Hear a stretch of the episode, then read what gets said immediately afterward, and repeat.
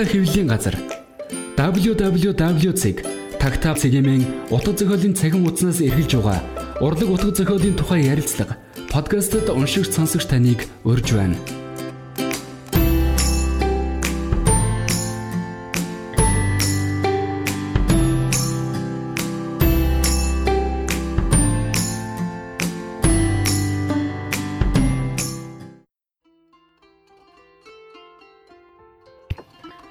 Сонсогчдоо өнөөдрийн мэндийг хүргэе. Тагтаа хэвлэлийн газраас та бүхэндээ хүргэх үлдэх үг подкастын энэ удаагийн дугаарт цагаан брэндlэг өрөм оролцуулж байна. Сайн байна уу? Аа сайн байна.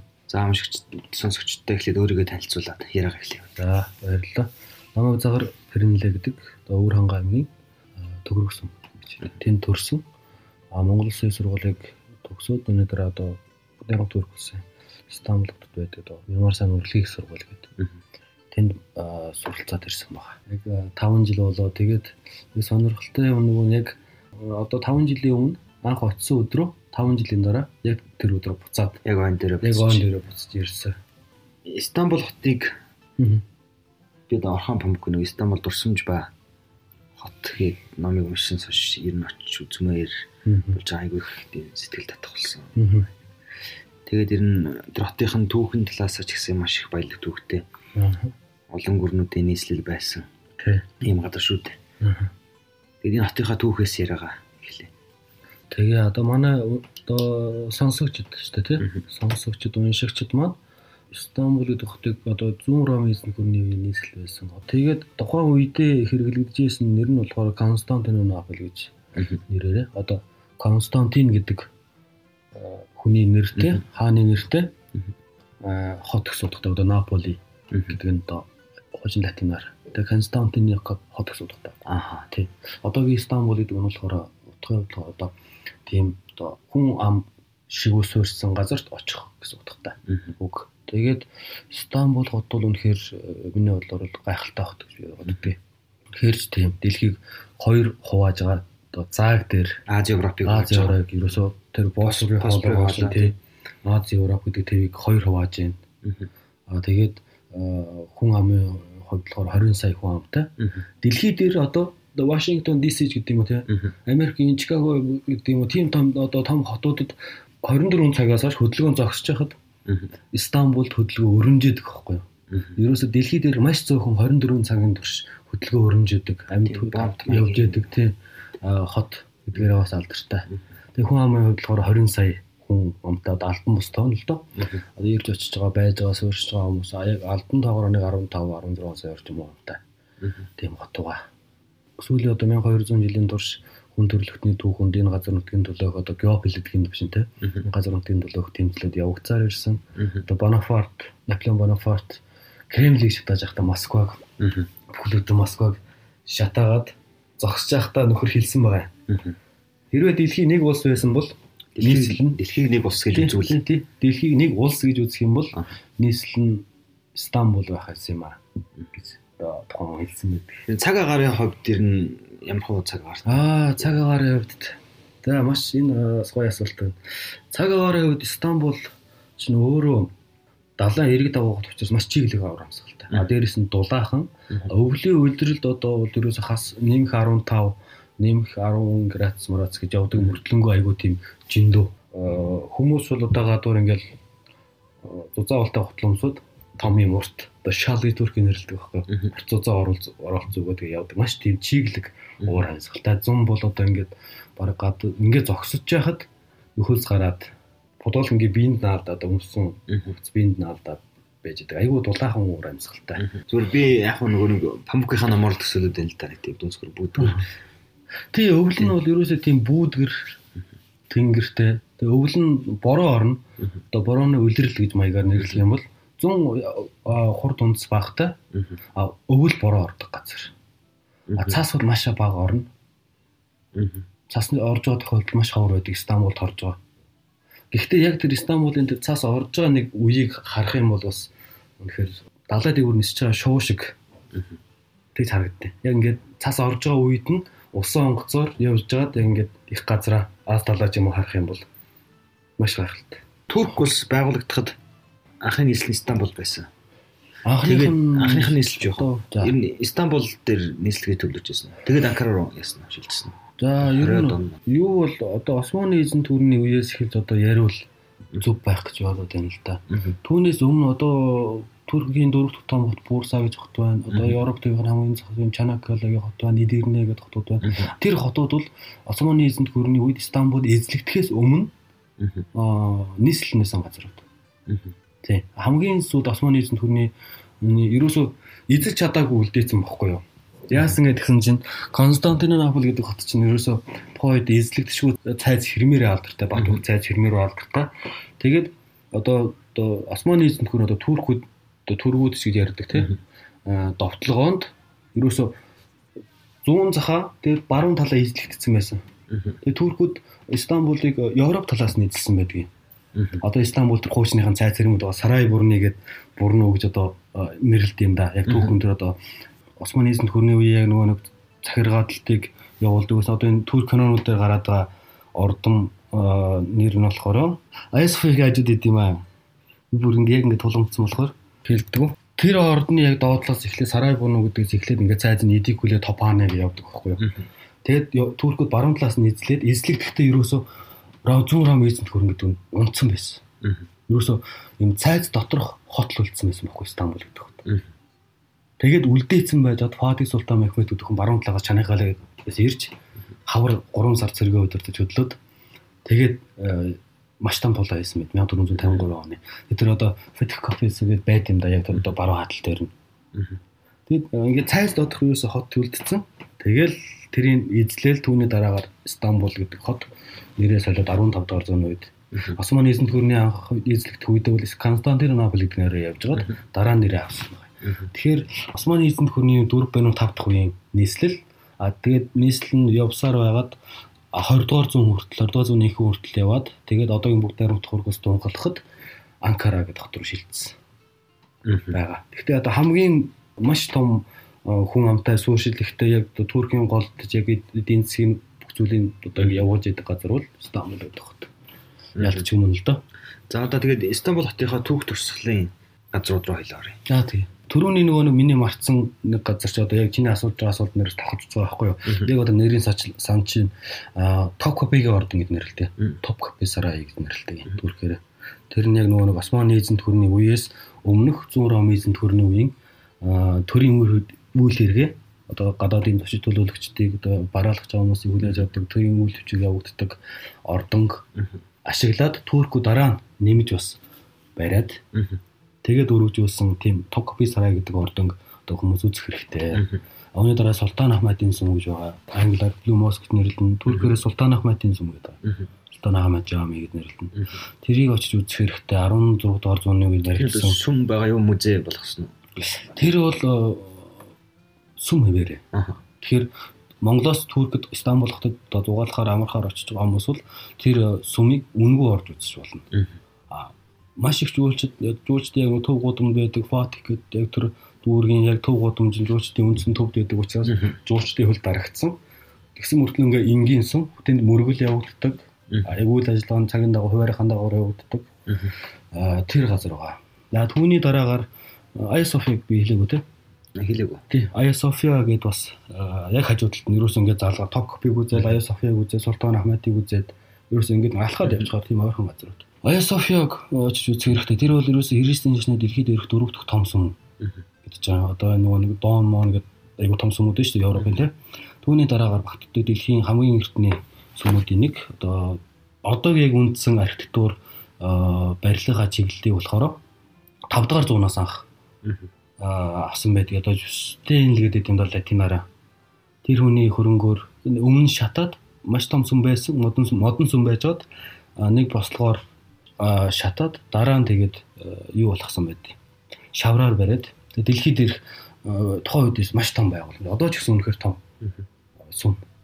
Христийн шашны сүм мэр одоо анх байгуулагдсанаас хойш 1453 он хүртэл христийн шашны сүм байжгаад 1453-аас 20 дугаар зууны ихэнх хүртэл одоо одоогийн бүгд найрамд турк улсыг тунхаглаж байгаа Мустафа Кемал Ататүрк гэдэг хүний зарилгаар музей болох хүртэл Исламын шашны сүмээр ашиглагдаж сүм. Нэг дэлхийн хоёр том шашнаар сүмээр ашиглаж ирсэн гэсэн дээ. Нэг христэн шин үүдх нь исламын юм. Ийм тохиолдол түүхэнд маш цөөхөн газрууд нэг нь энэ ухаан. Аяа София сум. Тэгээ Фатih Султан Мехмед Стамбулыг эзлснийхаа дараагаар өөр исламын шашинтай исламын улсын удирдах том султан гэж яриад шүү дээ. Хаан падишах гэж хэлнэ. Хүн шууд чигээрээ явсаар байгаад хаалгаар орж ирээд эзэлсэн талаас одоо капас гэдэг байгаа топ копигийн талаас. Тэндээс орж иж яг төв зам нь одоо хүртэл тэр зам одоо автобусны зам болсон л да. Болоор трамвай гэдэг юм өргөн зам. Тэр э, замаар ерөөсө чигээр явсаар байгаад Ая София дээр мөргөл үлдсэн байдаг. Исламын шашинтай хүн христийн шашны сүмдэр мөргөл үлдсэн байдаг. Түүнээс хойш Ая Софияг яг тэр чигээр нь исламын шашны сүм болгож ашигласан мэдээ. 20 дугаар зуун одоо бүхлүүдэн 7 8 жил жилүүлж байна баг тий 5 6 жил ч юм уу. Ашигласан байдгийн. Тэгээд Ая Софи бол одоо музейн зориултайсан яваад ороод ингээд үхээр үнэхээр гайхалтай томсон. Ингээ яваад байхад Мария исламын шашнаа мөртлөнгөө туркууд тэр одоо христийн шашны тэмрүүдүүд ерөөсөө устгаж юм уу эсвэл үгүй хийгээгүй яг тэр нөгөө мотивууд тэр деталууд нь одоо яг тэр чигээр хам дээр ингээд мозаик гэж нэрлэдэг шүү дээ. Шигтгэх, чулуун шигтгэхээр хийсэн тэр шигтэмлүүд нь байж байна. Яг тэр одоо сумынх нь хамгийн нийтлэг бөмбөр ороод тэр Мария Иесус ээж нь Иесусыг тэмэрсэн юм ингээд энэ дээр байж. Тэр зураг мөрөг яг хിവэрээ байж идэг. Тийм. Тэгээ тэр газрыг Ая Софиг үзэх хэрэгтэй гэж би бодож байна. Үүний дараа тэр Еребатан Сарнажигээд газарт орох усан байгууламж бас байгаа. Маш том усан байгууламж. Тэгэхээр ерөөс Стамбул ч хамгийн нэг сул тал нь болохоор ерөөс усны гачигдaltaй. Далайн ирэг дээр байдаг газар учраас усны асуудал маш их байдаг. Тийм учраас нэг том том цай зурхуу маягийн хэлэх юм одоо хэрэм барьж чулуун хэрэм өндөр өндөр хэрэм барьж уулын өндөр дээрээс нөө одоо байгалийн борооны ч юм тэр усыг татханд усны сууг барьдаг гэсэн байна. Тэгээ усаан тэр нөгөө том усан санд нөөцлөдөг. Тэгж усаа залгуулдаг байсан. Тийм. Тэр газрыг Ирэ Бутан санаач игээд байна. Тэрний дараа Долмоорх сарай игээд үзэх ёстой газрын нэг бас.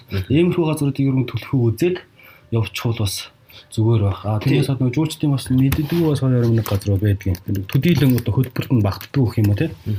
Тиймэрхүү газар бас бий. Тийм. Одоо ингээл зураг өмдөс харж ах тэр уран барилгуудынхан орой бөмбөр орой Монгол гэрч юм шиг л харагддаг. Аа сүмийн татдаг л да. Анхаарддаг. Тэр ер нь ямар учиртай юу гэдэг. Тэрийг э, исламын шашны түүхчид эсвэл э, түүх судлаачд ер нь олон янзаар тайлбарладаг байхгүй. Одоо Мимар Синан урлагийн сургууль гэдэг миний сурсан сургуулиуд тэр Мимар Синан гэдэг хүн Туркийн одоо хамгийн адартай архитектурч юм байхгүй.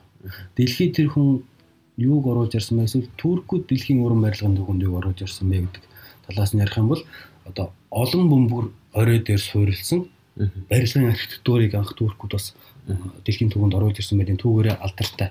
Тэр бөмбөр оройг тайлбарлахдаа зарим нэг одоо монголчуудтай сонирхолтой байдлаас хэлэхэд бол тэрийг монголчууд бас оруулж ирсэн гэж зарим түүхчид бас ярьж байна. Яагаад гэсэн чинь Монгол эзэн төрийн үед монголчууд их нутгаас хол байх үедээ одоо их нутгаа сансан учраас анх юм сүмийн бөмбөр оройг бас оруулж ирсэн гэж ярьдгийг. Тий. За одоо хоёлаа яриагаа жоохон ховын өөрөө чи судалгааны ажил тэнд амьдарч байсан үеийн дурсамж нөхөрлж байсан найз нөхдийн тухай хэлээрэй. Судалгааны ажлынхаа талаар ярих уу? Тий. За ямар сэдвээр хамгаалаад дөрөөр тэмээ зэрэгцэл. Тий. За миний хамгаалсан сэдв болохоор 10 дугаар зуунд хятад хэлнээс уйгур хэл рүү орчуулагдсан одоо монголоор бол алтан гэр судар гэдэг тий. Алтан гэр судрын харьцуулсан Турк Монгол харьцуулсан орчуулга дээр нь үгийн сангийн судалгаа байсан. Үгийн сангийн судалгаа. Ер нь одоо хил зүүн судалгаа гэсэн үг шүү дээ. Тий. Тийм судалгаа хийгээд тэгээд хамгаалаад ирсэн дээ. Тий. Тэнд байгаа одоо тэнд сурж исэн найз нөхдийн талаар гэж үгд юм уу? Ярахад бол маш олон хүнтэй танилцсан. Маш олон найзуудтай танилцсан, маш гоё хүмүүстэй танилцсан. Тэр дундаас бас ингээд шигшээдэд үлдчихэж байгаа гоё хүмүүс байна. Тий энэ талаар бас яавал дэлгэрэнгүй бас яаж болж байгаа. Тэгээ одоо ингэ дэлгэрэнгүй сайхан ярил л. Ярий гэж үү. За тэгвэл гадны нойтон байсан учраас гоё дээ олон орны хүмүүс ингэ. Тэгэлгүй яах вэ? Олон орны залуучууд ингээд нэг дээр байх. Нэг дор байгаад нэг хил дээр ярилцаад ингээд үзэл бодлоо солилцсон гэдэг бол маш хаана хандах хүмүүстэй ойрхон байв. Тэгвэл хамгийн анх Туркид очиж ирсэн дөх байгаа. Тэнтэй сургуульд сурсан анхны баг Монгол оюутан баг. Тийм үү? Сурсан гэхээс илүү над одоо нэг тэтгэлэг тий одоо аль биесныхан засгийн газрын тэтгэлгээр хамгийн анх очиж исэн гадаад оюутнууд нь бид нар болж ирсэн. Тий. Тэгээд анх 14 оны одоо 9 сард юм уу та. Стамбулд очиод тэгээд э, өрөөндөө дөрүүлээ гэдэг байсан юм аа. Дотор байранд байсан. Нэг Угандагаас нэг найз манаас Франк гэдэг найз маань. Тэгээд Камеруноос болохоор Винсент гэдэг нэг залуу. Тэгээд Оросын Сочигоос манай найз Богдан гэдэг нөгөө тэгээ би нэмээд нэг дөрүүлээ нэг өрөөнд орж ирсэн. Яг тэрний дээдэл дээр одоо манай нэг бас нэг сайн найз байт Никрус гэдэг Москва төрсөн. Тэр үедээ яг одоо Турк хэлнэ. Тэр орчин цагийн турк хэлнэ. А би болохоор эртний турк хэлнэ гэдэг. Нэг сургуулийн хоёр өөр тэнхимтэй өгдөг байсан. Тэгээд анх бид нар би чинь тэгэж анх уу за бид нар чинь нэг юм Фатих гэдэг дүүрэгт одоо Стамбулын хамгийн эртний дүүрэг гэдгээр алдартай. Хамгийн эртнийхэн дүүрэг. Ерөөсөө Стамбул анх тэр дүүрэгт баригдаж эхэлсэн. Тэр дүүрэгт анх одоо хүмүүс сууршиж эхэлсэн. Маш эртний дүүрэг хамгийн эртнийхэн дүүрэг. Тэгээ нэг онцлог нь Стамбулын одоо дүүрэг болгоноороо өөрсдийн гэсэн одоо соёлыг агуулж яадаг. Одоо Фатих гэдэг дүүрэгт болохоор яг хуучны үзлийг баримталдаг. Одоо шашны нөлөөтэй дүүрэг гэсэн. Тэнд ерөөсөө маш гайхалтай агуу агуусан бүгд тэнд байна. Султан Ахмадаас гадна Сулейманы жами байна. Аа Фатих жами байна. Тэгээ тэр яг эмийн үнэгийн дээл дээр үүдэг Йени жами гэж одоо жами гэдэг нь сүм гэсэн үг л дээ. Йени жами байна. Аа ерөөсөө Константинопол ерөөсөө Стамбул ерөөсөө хамгийн алдартай бүх зүйл нь Фатих дүүрэгт байна. Маш хуучны дүүрэг. Тэгээ бид нэр тэр дүүрэгт нэг ийм нэг одоо одоо бодоход нэг ийм уран зохиолын нэг номон дээр ч юм уу гардаг шиг бид нэг амьдэрсэн амьдэрсэн. Ерөөс ингээд яг ерөөс энгийн ард ирэх зүгээр ингээд дөрвөн давхар байр дөрвөн давхар одоо тийм барилга Тэрний ерөөсөө тэгээд давхар болгондоо нэг өрөөтэй. Тэр өрөөнд дөрвөн хүн суудаг. Дөрөв нэг 15 зургуулаа байсан байна. Тий. Тэгээд бид нэр э, хамт байдаг бас бидний яг байрны хажууд кис таши гэдэг нэг одоо түрхээр кис таши гэдэг юм л да. Аа кис гэдэг нь болохоор охин гэсэн. Охин. Тий. Таш гэдэг нь болохоор чулуу. Охин зөрүүлсэн өхний чулууч гэдэг нь тийм. Тийм. Ээж чад гэдэг хэрхүү. Ээж чад гэдэг хэрхүү тийм ер нь тийм л байна.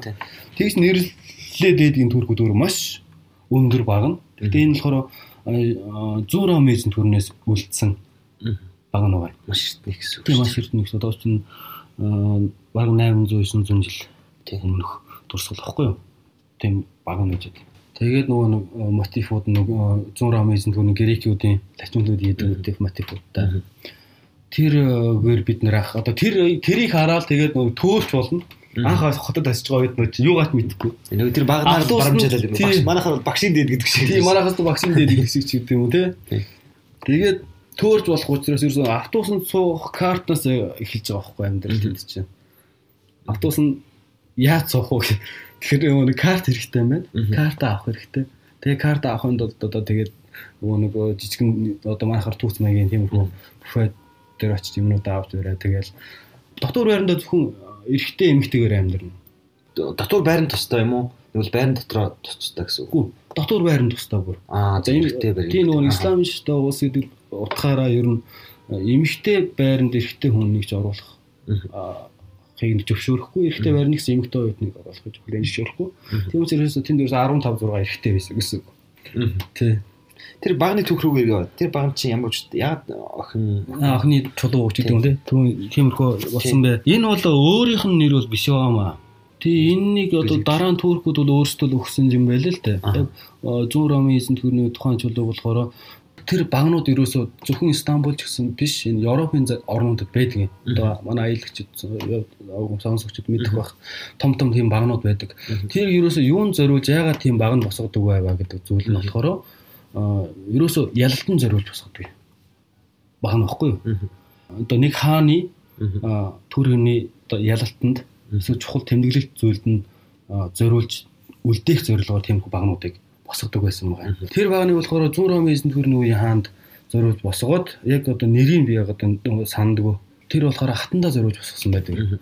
Тэгсэн чинь хатан өнгөрсчдөг л үхчдэг үлээ. Түүний дараагаар ард иргэдийн дунд яриа явуулсан болохоор тэр чулууны өмнөр өнгөрч байгаа эмэгтэй хүн болохоор ариун эмэгтэй. Ариун гэдэг нь болохоор одоо эрэгтэй хүнтэй одоо харилцаанд ороогүй. Тийм эмэгтэйчүүд тэр зөвхөн багных нь урд багных нь урдуур хойгоор өнгөрдөг байсан. Өөр тэгж өнгөрч байгаа юм бол тэр хүн ариун нандин эмэгтэй хүн байна гэдгийг нь мэддэг байсан юм шүү дээ. Тий. Тийм түүх Стамбул очих юм танаа сургууль дээр очихлаар нь хамаг миг юм моргодчих юм байна. Одоо манай сургууль нэлээ одоо танаа сургууль танаа дүүрэгт те. Тэр хавьд очиход ерөөсөө бүх зүйлийг үзнэ. Ерөөсөө жуулчны ерөөсөө төв цэг, худалдаа 8 арилжааны бүх цэг одоо коллеж оршигээд одоо том зах базар байна. Одоо зах байна. 1453 онд байгуулагдсан маш том зах. Тэр зах үнэт байж байгаа те. Тэгээ надад нэг чамаар нэг шийдвүлэх юм юу байна. Тэр юу гэхээр одоо манай орчуулга өнөр байнгал гэдэг маргаан дагуулдаг юм байна тийм одоо ингээл шийдвэрлэхээ би одоо тийм юм шийдэхэр хүн бол биш шүү дээ. Л чиний одоо судалгааны юу учраас ингээд намын үзэд ноотоо шилэн юм гадаг. Турк гэдгийг түркгээ орчуулчихаар ингээд нэг хэсэг нэг дургуутсах юм. Аа. Удаан ингээл. За. Чи одоогийн туркч яг тэр түрк бишээ. Ингээл тэхээ. Аа. Тэгээд турк түрк хоёрыг чи одоо ингээд яг нэг номлож ингээд бичээд байх нэг зөв юм уу? нэр томьёоны хувьд чи асууж штэ тийм ээ. Турк гэдэг нэр томьёон зөв юм уу эсвэл түрк гэдэг нэр томьёон? Тийм одоо одоо туркийг турк гэдээ орчуулаа явуучих нэр нь зөв. Түрк. Тийм. Одоо бидний амьдах турк улсыг одоо түргүүд гэж юм орчуулад явах нь зөв юм уу гэж үү? Түрк түрк охин түрк залуу гэл ингээл харчлаа юм л тийм. Зөв зөв ойлголоо. За энэ дээр э, яаж хандах хэрэгтэй гэхлээр ер нь бол түрк гэдэг нь бол ерөөсөө эртний монголчуудын өгсөн нэршил. Аа турк одоо Т У Р К гэж одоо бичээд штэ. Яг бичлэгийн хавьд энэ бол Оросоос дамжиж орсон нэр томьёо байна. Оросуудын өгсөн нэр томьёо байхгүй юу? Аа ерөөсөө монголчууд одоо яг нөгөө нэг одоо соён гэгэрlийнхаа үед гэдэг юм уу те яг нөгөө нэг кирилл бичиж шилжээд болгон бичиг үсэг сураал тэгээ явж байхад одоо маш олон нэр томьёо монгол хэлнээ орж ирсэн. Тэр нэр томьёонуудын дундад маш улс олон улсын нэр томьёо бид нэр шууд Оросоос шууд авцсан бохгүй юу? Турк болохоор бид нэр үүгээр хэлээд байдаг. Турк гэдэг. Тэгсэн мөртлөө уугаар өчөд. Шалтгаан нь ерөөсөө Оросоос орж ирсэн нэр томьёо. Монгол нэр томьёо биш гэсэн. А Турк гэдэг нэр томьёо бол ерөөсөө түүхний сурвалжууд ч гарч байна. Турк гэдгээрээ гарч байна. Одоо ч гэсэн манайхан зарим хэлж яриад байна. Тийм учраас энэ дээр миний бодлоор бол энийг одоо нэг цэгцлэх нь уулын зөв. Одоо тэгээ нэгэнт хевс чинь нэр томьёог одоо албан бичгийн дээр одоо яаж баримтлах уу? Уран зохиолын зүйл дээр яаж баримтлах уу? Одоо нөгөөд нь нэгтгэл хэрэгтэй л дээ. Гэхдээ хевсцэн нэр томьёог бас шууд ингэж өөрчилж бас болохгүй болчихлоо. Тийм түрэг гэдэг нь болохоор бол манайхын юун талаас нь хардаг вэ? Нөгөө 6-аас 8 дор зуун Монгол нутаг дээр улсаа мандуулж исэн түрэг хугацааны хамгийн анхны э, эзэнт хөрөн байсан. Тэр түүхэн талаас нь андаад одоогийн түргүүд одоо түүркүүд те тэр түргүүдтэй хамаатай юу? Ер нь усаа гарлаа юу вэ? гэж яриад байдаг. Миний хувьд бол судлаачны хувьд одоо энэ улс орныг судалж байгаа хүний хувьд бол түүхэн талаас авал ач холбогдолтой хүмүүс, холбоотой хүмүүс хэлний хувьд ч гэсэн ер нь хэрэгжилжээс эрт цагтаа хэрэгжилжээс одоо цагт хэрэгжилж байгаа хэл одоо ингээд судлах тухайн төр нь болохоор нэг ухсаатай хүмүүс нар бол. А яг хөх төргүүд гэж яриад шүү дээ тийм 6-аас 8 дугаар амьдарч исэн тэр төргүүд одоогийн төргүүд мөн үү гэдэг дээр би бол мөн гэж хэлж чадахгүй. Бас биш гэж хэлж чадахгүй. Яагаад гэвэл мэдэхгүй байхгүй юу? Гэхдээ одоогийн бүгд наримт төрөх бол баруун төрөх хосооныхан гэж авна. Монгол дээр амьдарч байсан хүмүүс болохоор зүүн төрөх хосооныхан гэж авна. Тий. Тийм учраас нэр томьёоны хувьд болохоор ингээд алдан бичиг эсвэл уран зохиолынхаа тухай хэлгээсээ одоо ер нь бол одоо энэ хоёр хэллэг хоёулаа хэвсчлээ шүү дээ. Тийм учраас ер нь одоо хандлагаас шалтгаалх хэрэгтэй юм л одоо түүхэн зүйлийг ярих гэдэг нь үү уран зохиолын юм орчуулах гэдэг нь үү эсвэл улс төрийн яг тий нэр томьёоны тийм зүйлүүд алтан бичгийн юм орчуулах гэдэг нь гэдгээр заамраад нэр томьёогоо зөв сонгоод явах нь илүү зөв байх гэж бод. Тэгэхээр альва хэлний нүгөөсөж болохгүй байхгүй. Үгийн сан баяжих олон арга замын нэгэн бас нэг хаднаас үг зээлдэх. Одоо тэгээд ингээд уншаад яж түрк гаралтай үг Монгол хэлэнд бол маш их байх шүү гай тий. Түрк гаралтай үг Монгол хэлэнд байна уу?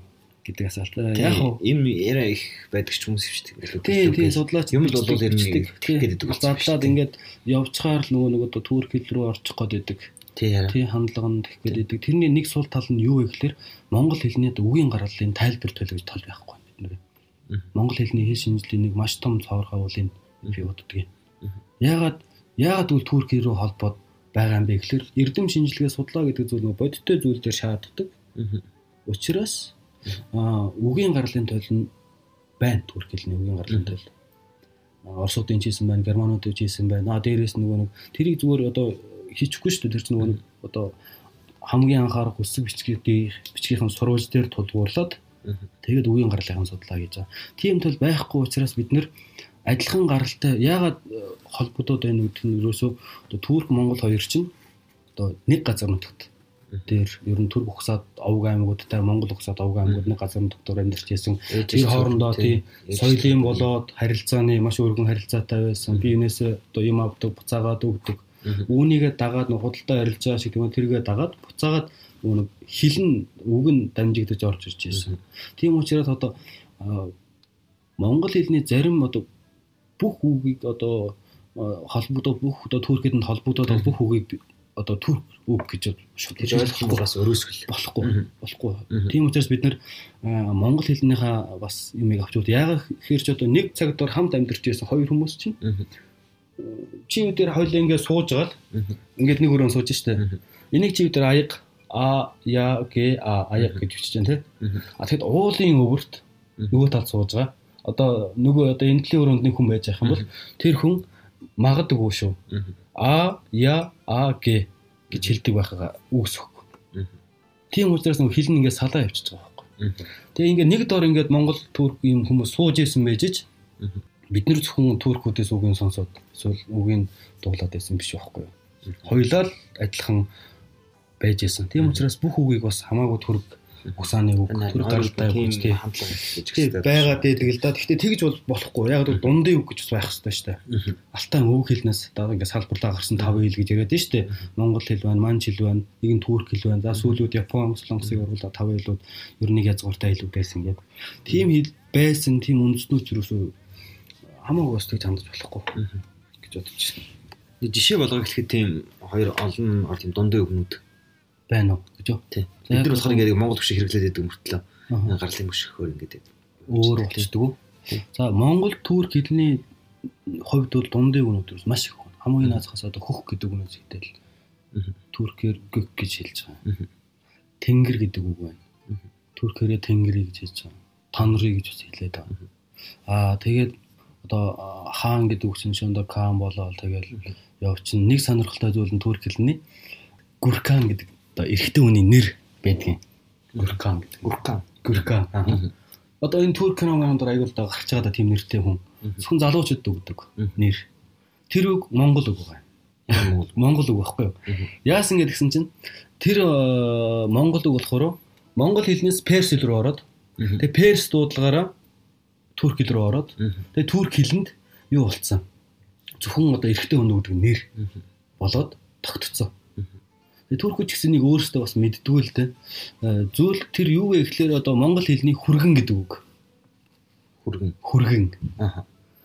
Турк хэлэнд одоо хүргэн гэдэг үг нь болохоор яг өөрийнх нь үгнүүд байна. Яг үндсэн турк хэлэнд дамат гэдэг үг байна. Гэхдээ монгол хэлний гүркан гэдэг одоо хүргэн гэдэг үг персээр дамжаад туркт очсон тэр нэрхтээ хүний нэр болсон. Яагаад гэсэн бэ гэсэн чинь нөгөө доглон төмөр гэдэг хаан шүү дээ. Манай хаан доглон төмөрийг нэрлэдэг шүү дээ. Тэр хүнтэй холбоотой. Доглон төмөрийн тухай нэг сурвалжид болохоор өөрийгөө би одоо Жингис хааны Гүрханы юм одоо Туркээр байвал би энэ Жингис хааны Гүрханы юм өөрөөр хэлэх юм бол би Жингис хааны хүргэн юм аа гэж хэлсэн байдгийг. Яг гэвэл угаасаа тийм хүн байсан шүү дээ. Жингис хааны алтан ургийн ухсаатай хүнтэй суусан. Тэгээ Жингис одоо Монголын эзэн хөрийг дахин нэгдэх том санаатай хүн байсан. Тэр хүнээс үүдэлтэй. Тэгээ хүргэн гэдэг үг явсаар байгаад Гүрхан болсон. Тэнд байгаа. Тэгээ турк хэлний бас боо гэдэг үг байна дахиад одоо энэ доглон нөмөртэй холбогдуулаад ярих юм бол тэр 1400 1403 оны дайн. Анкарагийн Анкараас хойш нэрлэлтэй. Одоо энэ Анкара хотын нийслэл хотынх нь онгоцны буудал байрлаж байгаа тэр газарт. Доглон төмөр хаан Османы эзэнт хөрний Илдрэн Биязидтай дайцсан дайн байд.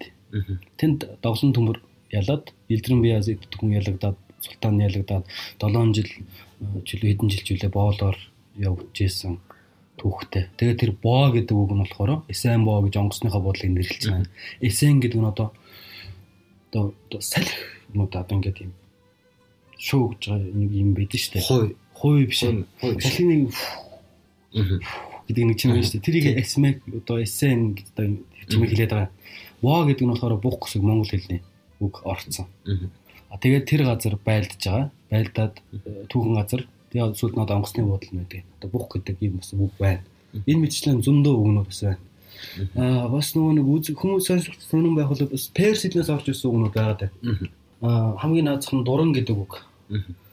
Бид нэр ингээ юм дуранддаг дуран. Энэ үл үг бол жишээ нь монгол бол биш. гэж задлаад үзсэн ч гэсэн дуран гэдэг үг нэр үг яаж үүссэн байдаг лээ? Үйл язгуур дээр нэр үгийн дагуур залгаад тэгээд шинэ нэр үг үүсэж байгаа. Нэр шил үүсчихэд байгаа шүү дээ. Үүнтэй адилхан дуран гэдэг үгийг үйл язгаар тэр чинь дур гэж болохгүй байхгүй чинь тийм. Үйл тийм үйл язгаар байхгүй байхгүй байхгүй юу. Тийм учраас энэ бол гадаад үг гэдэг нь тодорхой болчиход байгаа. Энэ үг болохоор перс үг. Перс хэлнээ болохоор энэ үг нь дуур гэдэг нь хол. Аан гэдэг нь болохоор нэр үгнээс нэр үг үүсгдэг дагуур. Тэгээд нийлүүлэлийг харахаар холыг хараач гэсэн утгатай байхгүй перс хэлнээс. Тэгээд ар одоо миний бодлоор бол энэ торгоны замаас эсвэл дамжиж орж ирсэн үү? Эсвэл нөгөө Монголын эзэн төрний үед эсвэл нөгөө ил хаан тулсын нөлөөгөөр орж ирсэн үү? Тэнд дээрс маш гайхалтай одоо орон хөгжиж ирсэн шүү дээ. Хамгийн наад цон чигэд Ховлаа хаан Юхан нүгэрнийг байгуулад энэ хятадд сууж маш ойрхон Монгол улсаар та сууж байгаа мөртлөнгөө тэнд одоо орон бас маш хөгжүүлж ирсэн. Тэндээс дуран гэдэг үг хятад хэлнээс ч юм ороод ирэх боломжтой байсан. Гэтэл хаа байсан холоос хэдэн жил сар одоо тухайн үеийнхаа тооцоогоор явж ирэх газраас дуран гэдэг үг перс хэлнээс дамжиж энэ ч одон гарагтай холбоотой болоо явчих штэ. Орж ирсэн байхгүй юу. Тэгэхээр персийн одон орон судлал хүлээгүй хааны байгуулж хөгжүүлжсэн тэр гайхамшигтай одон орон судлалын төвүүд дэлхийн хамгийн анхны одон орон судлалын судлалын төвийг байгуулсан нэтрийгээд одоо огийн Ираны газар өнтөгт дурсуулууд нь гэд харахад Юан гүрнээс илүү персийн одон орон судлал угсаа гарал илүү байсан юм тийм. Хүчтэй байсан шүү. Дуран гэдэг үгнээс одоо чи харахад ярихаар нөө торгоны замыг чинь төгсөх юу нь Стамбул лөө. Тий. Тий дээ. Энэс хөдөлсөн торгоны замыг чи эцэг нь Стамбул дээр очив. Хуурай зам одоо нөө маш юм. Тий. Хуурай зам одоо торгоны зам зүгээс алдартай. Тэгээд Бээжингээс эхлээд төгсгөл нь Аз төвийн хамгийн баруун зах ирмэг Европын хамгийн зүүн зах ирмэг Стамбул хотод дээр Константинополь хотод дээр дуустдаг гэсэн. Хуурай зам. Ингээл ийшээ одоо Ташкент, Москван дээр одоогийн Шинжаанаа шиг ингээл явчихж байгаа шүү дээ зам чинь тий. Тэгээд а усан зам нь бас торгоны усан зам нь бас Хятадаас эхлээд Стамбул дээр дуустдаг гэсэн. Ерөөсөө ерөөсөө Азаас гарч байгаа бүх юм Европ руу гарч байгаа бүх юм Стамбул дээр юм.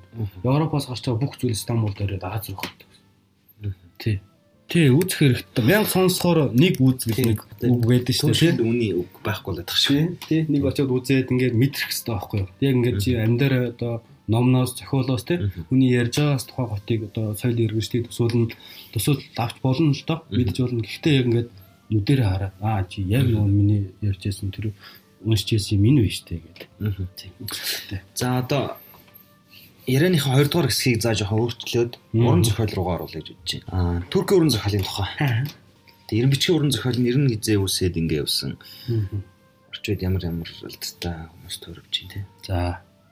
За Туркийн уран зохиолын талаар хамгийн анхных нь одоо зохиол гэх юм бол одоо анх бичгийн дурсгал нь хизээ байна тэр үеэс хамааруулсан. Одоо 6 дугаар зууны 8 дугаар зууны одоо Монголын Аранга аймгийн Хшаа цумын нутагт байгаа Бэлгийн хааны гэрэлтгшөө гэж байна. Гөлтгөний гэрэлтгшөө гэж байна.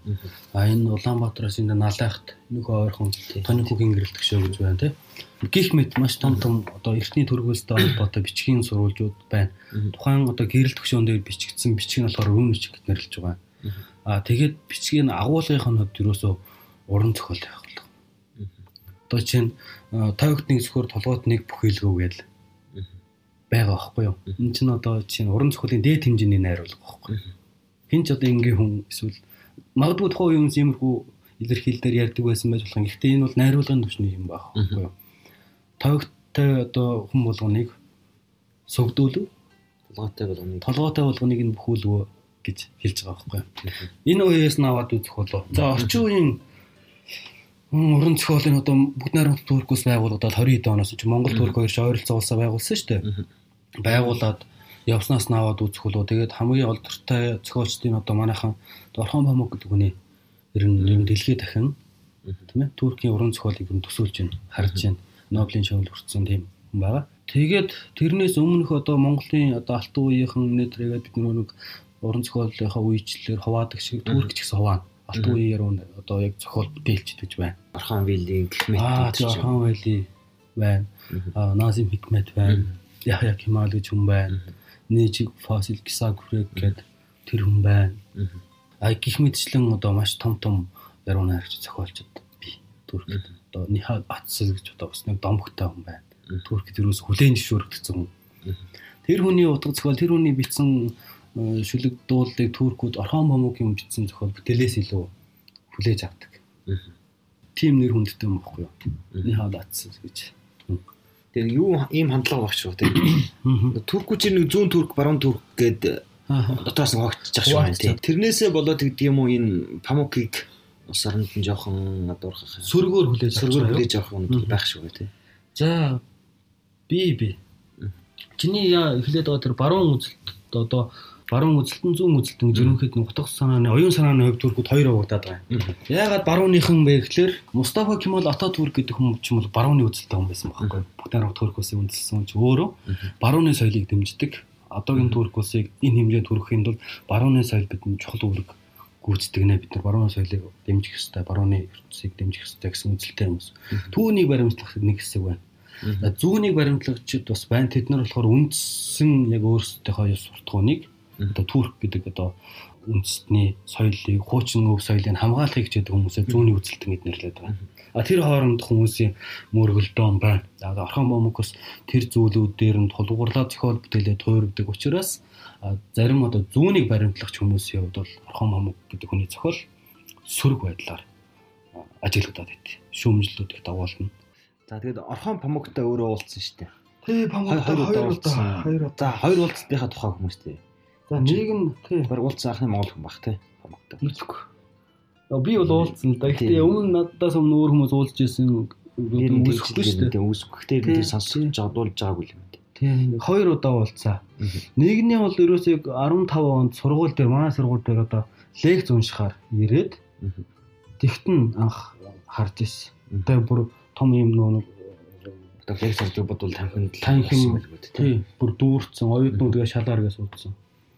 Түркт одоо шалан дээр суух мөх автобусны ингээд энэ тэндгээд суух одоо манайд одоо тэгэх юм бол жоохон яаж тээ шалан дээр суух мөх тиймэрхүү асуудал ерөөсөө Түркт тийм хэвий үзэгдэл واخгүй.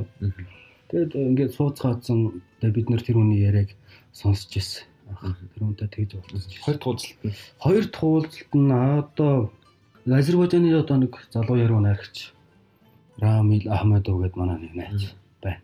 Тэр хүнтэй хамт манай тэр найз Азербайджаны сонинд ярилцлага авах гэж тэгээ өөрийнх нь дипломын сэдв би болохоор эртний турк хэлний тэнхэм тэр юм болохоор орчин цагийн уран зохиолын тэнхэм зурдаг юм баггүй юу. А чиглэлдээ хоёлоо тэгсэн мөртлөнгөө нэг юм сонирхол нэгтэй учраас хоёлоо тэгээ явдаг байсан хүмүүстэй уулздаг байсан тий. Тэгээ тэр үдээр анх манай нас ярьслаа авах журмаар тэгээд тэр үнийг дагаад тэгээд очиж саврлалтсан гэсэн. Гэрт очиж цаг аваад очиж. Тэр уулзалт ямар яриа өрнөсөн?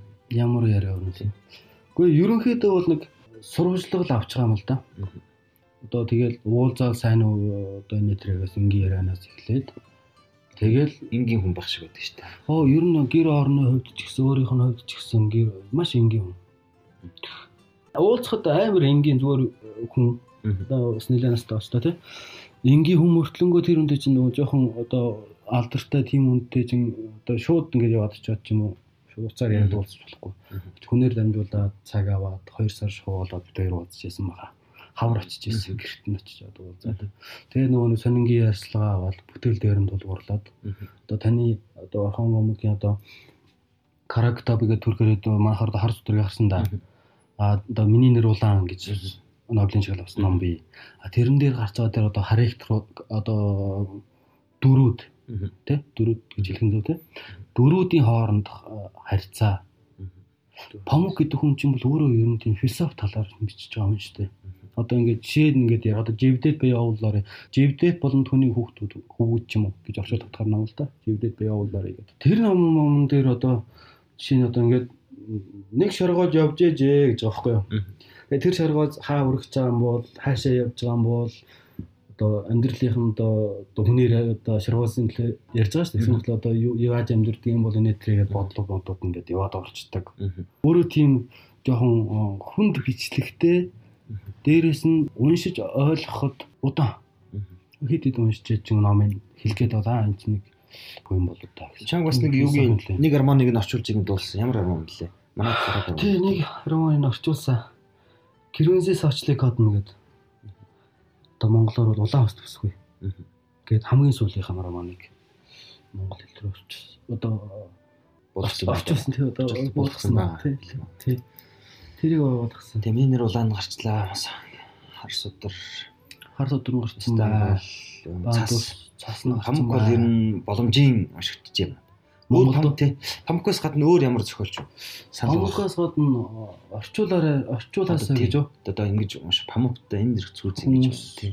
Зохиол мэдээж ганц зохиолчтой тийм орон гэж байхгүй ч яруу нарч байсан болов тий.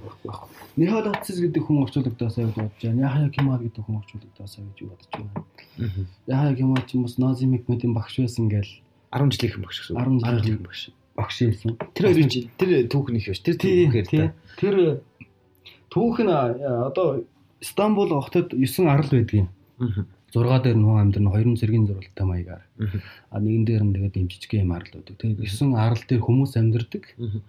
Тэгээд усан тээвэр чинь усан онгоц чинь одоо нийтийн тээвэр шүү дээ Стамбулд. Зүрс байнга яг л Аз тээвэс Европт очихын оронд 70 дагуур метро өнтрээ явж болно гэхдээ усан тээврээр тийм нэг явахаар тийм гоё мэдрэмж төрүүлдэг. Тэгээд усан тээврээр өөрөө нийтийн тээврийн картыг дараад тэгээд арал руу нэг хоёр цаг гар усан онгоцоор яваад арлууд дээр очин хамгийн анхны арал дээр очин киноле одоо гэж түркээр нэрлэдэг. Тэрний одоо тэрний дараа хэлбэлээ одоо дан дан дан гэж явсаар хамгийн том хүн амтай буюкада гэж арал байгаа. Одоо гэдэг нь арал гэсэн үг л дээ. Тэгээд э, тэрний Хейбелигээ одоо арлын одоо 10 жилийн уран зохиолынх нь 10 жилийнх нь багш. Назим Хикмэдийн багш Яхя Кемал гэж хүн байсан бай. Аа Назим Хикмэдийн ээж нь өөрөө тийм тухайн цаг үеийн маш э, гоо цэцлэнтэй сайхан эмэгтэй байсан. Назим Хикмэд өөрөө тийм сурвалжт маягийн гаралтай хүн штэ. Тийм жоохон э, яг ингээд юуг ингээд удам судар ингээд ярих юм жоохон барууны ухсаатай. Тэгээд нэг өдөр Назим Хикмэд мэдсэн байгаа. Яасан гэдэг гэсэн чи Яхя Кемал биш үү багш нь шүү дээ. Аа ээжд нь сайн болоод байна гэдгийг нөхөр мэдсэн байгаа.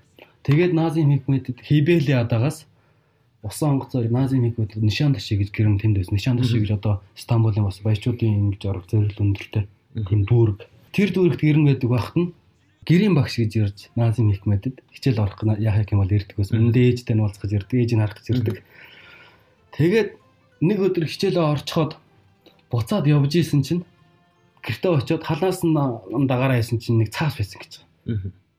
Тэгээд цаасын дэлгээд уншаад үзсэн чинь туркээрээ болохоор а хожам олора гирдин буквадан бабам олорог чикамасан гэж бичсэн. Тэр нь бодохоор ямар утгатай вэ гэхээр багш болж орж ирсэн энэ хаалгаар аа болж гарахгүй шүү халаасанд нь шургуулсан байсан. Яхя Кемал. Юу Хикмет. Назим Хикмет. Яхя Кемалын халаасанд нь нийцсэн байгаа. Тэгээд ээжтэй дараа нөгөө нэг сууж варээгүй л дээ энэ тухайд бас ингээд ярих юм бол айгүй их юм болно. Энэ талаар би бас нэг юм биччихэл байсан да.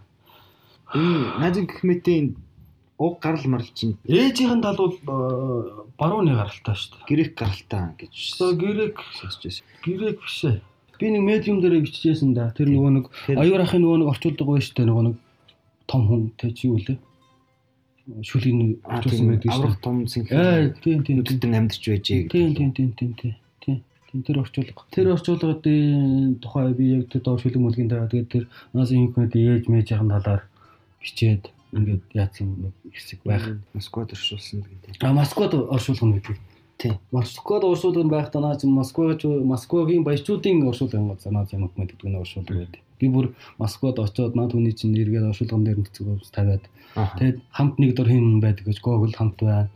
Өөр хэм блэ? Булгаков хамт байна. Нэг газар хэвдэж байгаа надад байна. Хэвдэж байгаа тийм. Нэг том юм модны дор байдаг уршуулга. Гэх мэт уршуулга. Тий. Тэгээд хажууд нөгөө нэг ихнэр нь вэра гэдэг эмхтэй байлаа шүү дээ. Дараа нь гэрэлсэн. Тэр эмгтийнх нь оршил хамталж ирсэн. Тугч шоронд суугаал. Өө яста. Тугч байсан дугуулж харсан. Гар тий. Дэлхийн утга зохиолын ерөөсөө нэг домог шиг хамтарсан. Одоо энэ манайхан Эренчний Чойнон гэдэг хүний нэг түүх байна да. Даш дурж энэ насаг дурч гэдэг юм уу те. Ерөөсө тухайн цаг үед Назим хикмэд амьдарч байсан, Ташторжи амьдарч байсан, Насаг Турж амьдарч байсан үе тий энэ хүмүүсийн одоо нэг тийм үе нь тэр чигээр ерөөсө хилмит өнгөрчиж. Энэ үн чинь бас ад үзэгдээ тэгээ Туркид эх орондоо ирэх нэргүү болоод Оросд очиж өгсөн хүн шүү дээ. Орхон вайли ч гэсэн нөгөө нэг эх орносоо зугтаж явж байгаа Булгар руу зугтаж явж байгаа Туркийн тагнууд гол дээр араасаа цохиулаад алуулаад өгсөн шүү дээ. Үгүй яг ерөөсө тэр хүмүүсийн дэлхийн нийт ерөөсө жишгэн тийм байсан. Манай одоо цэндийн намсын сургуугаа хүртэл шоронд ороод тэрийг явж байсан. Ерөөсө тэмцэл сүлхээд юм айхтрий тий. Тухайн үед ерөөсө байсан байгаа. Яг нөгөө дайны дараах нэг юм ингэсэн нийгэм байсан. Тийм үед айгүй уран зохиол айгүй хүчтэй дэгтэй. Дайны дараах юм уу? Эсвэл колони дараах уран зохиол ч юм уу? Үгүй би ингэж боддог юм. Өмнө дараах тийм уран зохиол айгүй хүчтэй гарч. Яагаад тэгж юм төгөлжээ? Тэг шарах юм уу? Одоо жишээ нь Итэд бол ингээд соёлын өсгөлийн дараах их уран зохиол айгүй хүчтэй гарч. Хүчтэй байгаа харин яагаад тэгж юм? Нэг тийм ажилттай л авчих. Тэр хитрхи амар амгалан цаг магтаас ч бас юм төрөхгүй юм даас нэг жоох аллаа талаа. Тэг өмнө самтаа байж яг зөв яг зөв самтаа байж ич хүү толгой илүү ажиллана. Хүн нөгөө нэг жаргал даахгүй зовлон даадаг гэж үг шүү дээ. Гиз өсөөд ирэхэд толгой ажиллаад ирэхэд тийм тийм тийм тийм. Тэг харах ухаанаар бол тийм шүү. Яагаад гэсэн чинь ерөөс дэлхийн нийт чи ерөөс тэр чигээр нэг дайны байдлаас гарч ирсэн. Европын нөгөө нэг хүн цанхуугийн байд дэлхийн нэгдүгээр дайнаас дуусаа тэгээд Турк Европ Туркийн дайн бас залгаа тий. Нэгдүгээр дайны дараа дэлхийн нэгдүгээр дайнд чи 18 он гээд дууссан. Дэлхийн нэгдүгээр дайны туркууд оролцоод тэрний дараагаар нөгөө Стамбул эднэр чийзлэгдээд тэгээд дараа нь дэлхийн нэгдүгээр дайнд явсаар бол тий энэ туркууд чинь өөрсдөө тусгаар тогтнолын төлөө барууныхантаа орж иж тэмцсэн шүү дээ. Чанакалегийн Чилмэнс гэдэг Чанакалегийн дайгууд дэлхийн нэгдүгээр хүн дэлхийн нэгдүгээр дайны хамгийн хүн хүсэн даа. Тийм. А тэгээд түүний дараагаар дэлхийн 2 дугаар дайнд бол туркууд оролцоогүй юм. 3 дахь байр сууриас хандж байсан. Гэхдээ үзэл сурталын хувьд бол ер нь Германыг дэмжиж байсан. Хандлага нь бол тийм. Тийм учраас яг тэр үед ингээд ингээд гараад ирсэн одоо хүн нөгөө жаргал даадаг, зовлон даадаг гэдэг чинь нөгөө нэг бид нар нэр үнэхээр одоо цадцсан байна.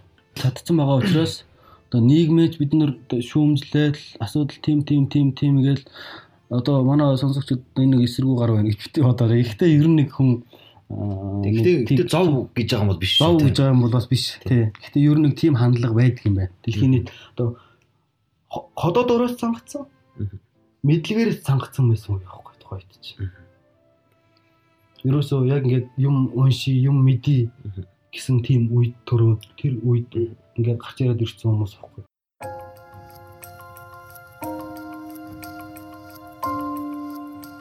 Номыг овоолж байгаад шатаахаас ч илүү долоондор нүгэл бий.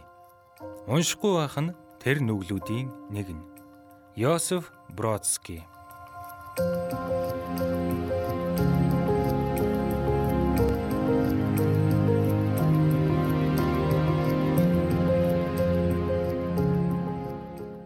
Турк бол уншигчд бол Мундаг мундаг. Уншигтэн мөрөл бол мундаг гэж. Уншигтод мундаг. Асуудал тэн дээр өстой асуудал байхгүй. Айгуу сайн уншин. Айгуу сайн. Тийм үгүй. Өөр ямар сонин содон зохиолчтой бид нар яхаар. Өөр сонин содон зохиолчд одоо тэгээд сүүлийн үе туркууд одоо зөвхөн их хэл дээр бичгээс аваад нь одоо хоёр дахь хэл дээр одоо англи хэл дээр бичиж байна. Эсвэл германч гэдэг юм тий. Хэл дээр бичиж байна үе дундаасаа орчин цагийн төрхтийн уран зохиол үе дундаасаа цай дахж гэж 2 3 хүн бас байна. Энэ нэг одоо Элиф Шафак гэдэг нэг бүсгүй байна. Тэгээ манахаас хайрын 40 дүрм гэдэг ном гарч байгаа. Тийм үү те. Зөв. Тэр Элиф Шафак гэдэг эмэгтэй бас нэлээ уншигдэж байна. Одоо бол Турк. А тэгээд Туркийн нэг уран зохиолын хөгжил чи одоо манай зах зээлийг бодох юм бол манай хөгжлийг бодох юм бол арай одоо нэг шатч гэдэг юм те. Тэйгүүр байна Тэр нь одоо ерөөсө уран зохиолыг утга зохиол бүтээл төөрөвж байгаа хүмүүсийнхаа салбараар гэх юм. Одоо нэг зөвхөн детектив маягийн зохиол бичдэг нэг хэсэг бүлэг хүмүүс байна. Тэрний одоо полиси арманы гэдэг өгсөн. Аа тэгээ памок памок шиг иймэрхүү нэг бичдэг бас нэг үе байна. Тэгээ манай ч бас хүн амт зохиолч хүчээс яг тэгж ялгарч харагдахгүй байхгүй. Тийм. Тийм. Тийм хүмүүс бичдэг хүмүүс байна. Тэгээ үе үеэрээ ингээд гараад ирсэн. Тэр ингээд судалгаадаад явцсан байна. Элив шифаг орчуулж байгаа бол бас гоё л байна. Түргийн Тэгээд үсээс тий Памок тэгээд нөгөө Арсен групптэй Мадонна гэдэг ном ах шиг боллоо. Аа тэр Сабаатин Али гэж алдартай бас зохиолч. Тий. Тэр хүн тэгэл нэг 3 4 зохиолч бол их боломжийн л танигдчих шиг байна. Тийм ба. За одоо хоёул чиний өөрийн хувийн уран бүтээлийн тухай ярих гэж бодож байна. За. Галбангаа гэж ном гаргасан. Уншсан. Хүн үзлүүд бол ичмээр дамшигдаг. Манай нөгөө төмөө хэлдэг шиг л. Тийм үлээ болсон болоод аяа удаад. Ой гоо шүлэгтэй ном санагцсан байна шүү дээ. Энэ шүлэг яравнаар хизэнээс бичих эхэлсэн. Аа. Туркд очоод ер нь хэр юм бичвэр хэр өөрчлөлтөө. Одоо тийшээ нэг орчноо солиод ин газар жуулахаар хүмүүсийн шүлгүүд их өөр болж байгаа. Тэгэл. Тэг. Одоо жишээ манай нэм гişиг найрагч турк болох та ингээл шүлгүүд билгүүч. Тийм тийм тийм. Асар гоё асар гоё шүү дээ. Сахал тариа шиг ургадаг Стамбул тэгээд Өтгсөн Стамбулд. Үс тариа шиг ургадаг. тариа шиг бол тийм тийм. Тэгээ өөрчлөгдөж байна. Орчноо солиод ирэхээр хүссэн хүсээг хүний нөгөө нэг харж байгаа зүйл, мэдэрч байгаа зүйл амт харилцаа учраас өдөрий чи хараад чихэрээ сонсоод гараараа хөлөөрөө ингээ мэдрээ ингээ явж байгаа зүйл учраас хүссэн хүсээгүй мэдрэмж ирнэ өөрчлөгдөн. Тухайн соёлыг одоо таньж мэдхийг хүсдэг байна. Хүсдэг болно. Амьдралын нэг одоо харах үнцэгт манайх ярьдаг юм шүү дээ. Харах үнцэг тэр одоо зүйл өөрчлөгддөг. Одоо боддог зүйл бас өөрчлөгдөнө. Би одоо Стамбул намайг одоо том болгосон, эрхэн болгосон гэж би боддог шүү дээ. Тий, би хүний нутагтаа хамгийн сайхан энийг үзсэн. Тий. Бас хамгийн одоо муухай ч яг ерөөсө сайхнаас нь муу нүртэл үзээд яваад ирсэн. За тэгээд энэ муухайг нь үзсэн гэд би нэг хэлсэн. Тэн дээр товтгож хийх зүйл нь юу вэ гэхээр одоо нэг одоо өвхөл хагацлагдаг нэг юм байна. Хорвогийн үнэн.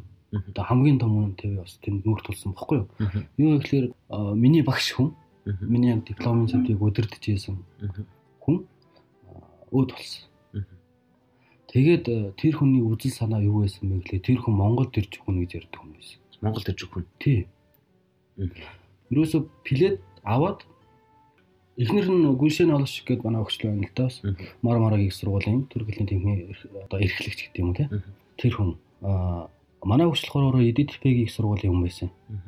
Аа тэр хүн болохоор Монголд ирж хүн гэдэг. Ямар сандаа багш бид нэг хоол идээ суужгаад Гүлшэн нэгш эхнэр нь Монгол явна. Ихтэй би хоёр удаа ирэх очих билет аав. А энэ Эрапот бол ерөөсөө нэг удаагийн билет л очихын л аавна. Тэндээ үлдэх юм байна. Багш өөрөө хүлэн зөвшөөрдөг гэсэн. Монголд ирж Монголд ирж өхөн энэ юун дээр энэ архангай одоо орхон голын хөндөд би гэр бариад тэнд амьсгалаа амьдралаа сүүч чи мөчийг өнгөрүүлэх миний амьдралын хамгийн том хүсэл гэж ярьдаг хүмүүс. Тэгээ тэр үний одоо Монгол Туркд одоо Монголын талаар Монгол хэл одоо Монгол улс заншлын талаар хийсэн судалгаа бүтээлүүд агуу байна. Юу гэхлээр тэр хүн үнэхээр Монголын талаар үнэхээр гайхалтай мэдлэгтэй хүн байсан. Тэгээд ингээд турк хэлний түүх нэг сонирхолтой хэлдэг бол дахиад нэг хичээл орж байгаа байхгүй бид нарт. Магистрийн хичээлний анхны хичээл дээр турк хэлний түүх гэдэг хичээл орж байгаа. Бүхэл нэг улс хэлнийхаа түүхийг ярих гэж дээ. Заах гэж дээ. Тэгэл яваад ороход ерөөсөө хичээл ингээд эхлэхэд ерөөсөө хичээл монголоор эхэлдэг. Монгол хэлээр биш л дээ гэхдээ монголын түүхээр эхэлдэг. Нас саний тий. Гүйс бүхэл бүтэн улс турк гэдэг улс төрлөх хэлнийхаа түүхийг ярих юм бол тэгэхээр монголыг ярьдаг байна. Монголын тухай бүхэл бүтэн нэг сарын лекц. Ерөөсөө нэг сар ерөөсөө монголыг битүү энэ сар бол дуусна. Тэгээ тэр хүнийг өнгөрчээсэн. Тэр миний хувьд итгэдэггүй юм байлаа. Өстой Би Монголд тийм үзээгүй байж байгаа хүний газар тийм амьдралын хамгийн тийм үний ямиг үзэх чинь хүнд дээрэс нь тийм айгуу дотныхаа хүнийг алдах чинь маш хэцүү зүйл байлаа. Тэгээд тийм учраас би түрүү хэлсэндээ сайхан зүйлийг бол үзье. Хүний өдрийн сайхан үзсэн, хүний газрын сайхан соёлыг нэтрийг үзсэн. Аюуны хажуугаар бас тодорхой хэмжээний юм зүйлүүд бас байсан. Яаж болохгүй нэ гэдэг чи хүчтэй. Тий. Тий. Одоо тэгээд ашуу мэдгэлтэй. Тийм л. За хоёлоо шүлгээ уншээ. Шүлэг рүү явж байгаа талаа жоо хадварч. За харин тийм лээ. Би нэг сая топ руу ярьж чадвараагүй хаа тийм. Тэгж бодож байна. За уучлаарай. Хамаагүй юм яриад. За харин айтах юм ах шүү. За чиний шүлгээс сонсъё. За миний шүлгээс Аа тий түрүү нэг ном ном явж байгаа тойлоо чимэр орчих юм шүү тий. Тий чиний ном. 16 онд нэг тийм нэг ном тий гаргасан ингээд. За өөрийнхөө шүлгээс уншаач. Тэгэхээр одоо манайх чиг уран зохиолын үгэн подкаст шүү дээ. Тэгэлгүй яг тийм хүмүүс шүлэг сонсоход ингэж явуулсан. За. За тэгье. Бити шоолоорой хүмүүсээ. Мөн Батбаяр маярын хажууд би тийм яруу найрагч хүн бол биш гэж өөрийгөө бодсон шүү дээ. Яруу найрагч биш би. Нөгөө шүлэг сонирхдаг тийм хүн шүү. Тэгээд тулыг хэлье. За тэгээд ийм нэг шүлэг биш ээ. Бөгнөх мөн шүлэг нүд байгаа. Адилхан гараг Магадгүй адилхан улсад хамтдаа байж болох юм. Адилхан мөрөөдлөөр жигүүрлэж, адилхан алхаагаар алхадаг байж болох юм. Адилхан газарт инээмсэглэж, адилхан таран байгаар зурцсан жойд магадгүй. Магадгүй чи бид хоёр адилхан улс, адилхан газар хамтдаа байж болох юм. Сайн шүлэг. Өөр ямар шүлэг байна. За, Нэг холын хүнээс үг дуул. үг дүүлдэг шиг шүлэг. Тийм шүлэг дуул. За шүлэг өөр дахиад өгвөл би нэг юм шүлэг уншъя. Магадгүй би мянган мянган үнсэлт хайрын төлөө золиослсон шиг гадаа бороо шивэрч байна. Магадгүй мянган мянган үгс хайрын төлөө үгүйсгсэн шиг дуу сонсогдож төв төмөн үгнийг үнд дарагдж байсан шиг цахлаад цуцж байна. Магадгүй чиний төлөө эцэслээ нисч чадна гэж боддог байсан шиг мянган мянган үнсэлтийн төлөө бум буман оддын дундуур бороо орж байна. Би чиний нэг ийм шүлгийг ийм шүлэг аяга дуртай. Яг мөр мөрөөр нь санахгүй. Тэнд чамд ойрхон үг болов. Мгм. Зүр утгыг ингээ ярихад нэг одоо нэг ийм хол байлгасан ийм юм цаг хугацаагаас ингээд өшөөгөө аавна гэсэн утгатай нэг шүлэг уншижсэн байхгүй чиний. Чи битэр ингээд хол зайтай байлгаж байгаа хол байлгаж байгаа энэ цаг хугацаанаас би ингээд зардаар өшөөгөө аавна гэсэн утгатай тэр шүлэг. Тим шүлэг байсан. Тэгээд тийм. уншиж над би айгүй тийм сонир болж байсан байхгүй тэр шүлэг уншиж. Тийм. За тэр шүлэг ойрхон байхгүй бах та. За эндээс хараадах олдож магадгүй. Яг одоо чи чамаа хэлэхээр саналаа баг одоо чи өдөр би чамд уншиж өгч илүү эсвэл явуулж илүү яалаа тий. Юу байсан баха? Чи Facebook хуудсандаа ч үлээ нийтлсэн байсан. Нийтлсэн байсан баха. Та битэр тэгээ сая бахан шүлгээ хайлаа. Тэр шүлгийг олсонгүй тэгээд оронд нь өөр нэг гоё шүлэг бас та нар сонсох гэж бодож байна. За. Одгүй өвлийн шүн гурвалжлан нисэх цахлаа шувууд умрыг зорин ээжийн дуудах шиг дуулалдна. Гэрэлтэй их хотын дээгүүр зүгээ алдахгүй чиглэн нисэх нь эзнээ олжээ. Ээж минь илгээжээ энэ шувуудыг. Би одоо цахлаа тэгж дуурж байгааг ээж минь дуудах шиг гэж ерөөсө төсөөлж ингэж байгааг бол тэгэхээр ингээл хол байгаа санаа Тий. ингэж байгаа хүн. Гэхдээ энэ ерөөсөө харагдсан. Нэг сони юм. м, Шүн цахлаа шууд тэгд нисдэг би бас анх удаа харсан. Нэг удаа ингээд гадаа зогсож байсан чинь дээгүүр би ингээд тагтан дээр зогсож байгаа хөө ингээд харсан дээгүүр цахлаа шууд ингээд хойш нисэж. Мгм. Тэгж олноороо тэгж цахлаа шууд чинь тэгж удаанаар нисч чаддаггүй шүү байхгүй. Ааха. Тий. Тэгээ ингээд сүргэлцэн 3 4-өөр. Мгм. Тэгээд яг урдаас гарч ирээд ингээд хоошоогоо шүн тэгээд нисэж байгаа шүү дээ. Мгм. Тэгээ яг энэ жил юу хийчихсэн. Одгүй өвлийн шүн гурвалжин нислэх цахлаа шууд умрыг зорно. Ээж юм дуудах шиг дуулалдна. Гэрэлтэй их хотын дээгүүр зүгээ алдахгүй чиглэн нисэх нь эзнээ олжээ. Ээж минь илгээж энэ шуудыг. За өндөрлөө гэж байна. Тий. Тэгэхээр Архон виллигийн нэг шүлгээр Аха. өндөрлөө. За тэг. Бас э, Туркийн алтан үеийн дотроо Орхон Мэли канал гэж маш их алдартай байсан. Бас шорон оронд орсон. Би би. Тэг хикмэтийг шоронд байхад нь сулуулах гэж 3 хоногийн өсгөлн зарлж байсан байна тий. Тийм. Тийм тэмцэгч. Тийм юм ба. Өөрөө хүмүүс- өөрөө ч бас буурсагийн шоронд байжсэн баг шүү. Аха. Нэг үед. Энэ хүний Стамбулыг чагнан би. Би шүлэг нэг туртаа тэгээд Аа тийм. энэ Уншаа. тэгээд чиний 5 жил байсан газар тий. Аха тий.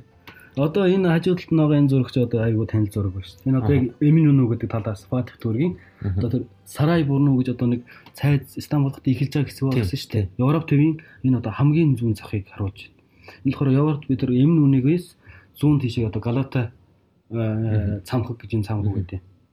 Тэр цамхагыг ингээд усан уцтай яг Эмин Үнээс авсан зураг байна л Тийм манай сонсогч болохоор яг энэ нэрээр нь хайгаад бас үзээрэй. Би тэр нэг зураг харчаад энэ зураг дээр тайлбарлаа яваад байгаа учраас бас ойлгомжгүй байж магад.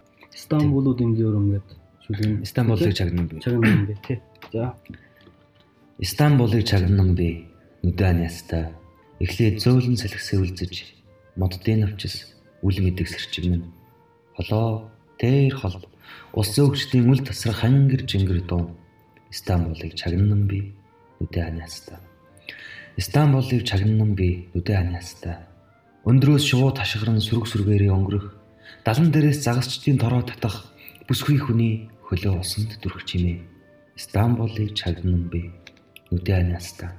Стамбулыг чагнан би нүдэ анаста. Сэрүү татсан Капали чарши хөл хөдөлгөөнд Махмуд Паша.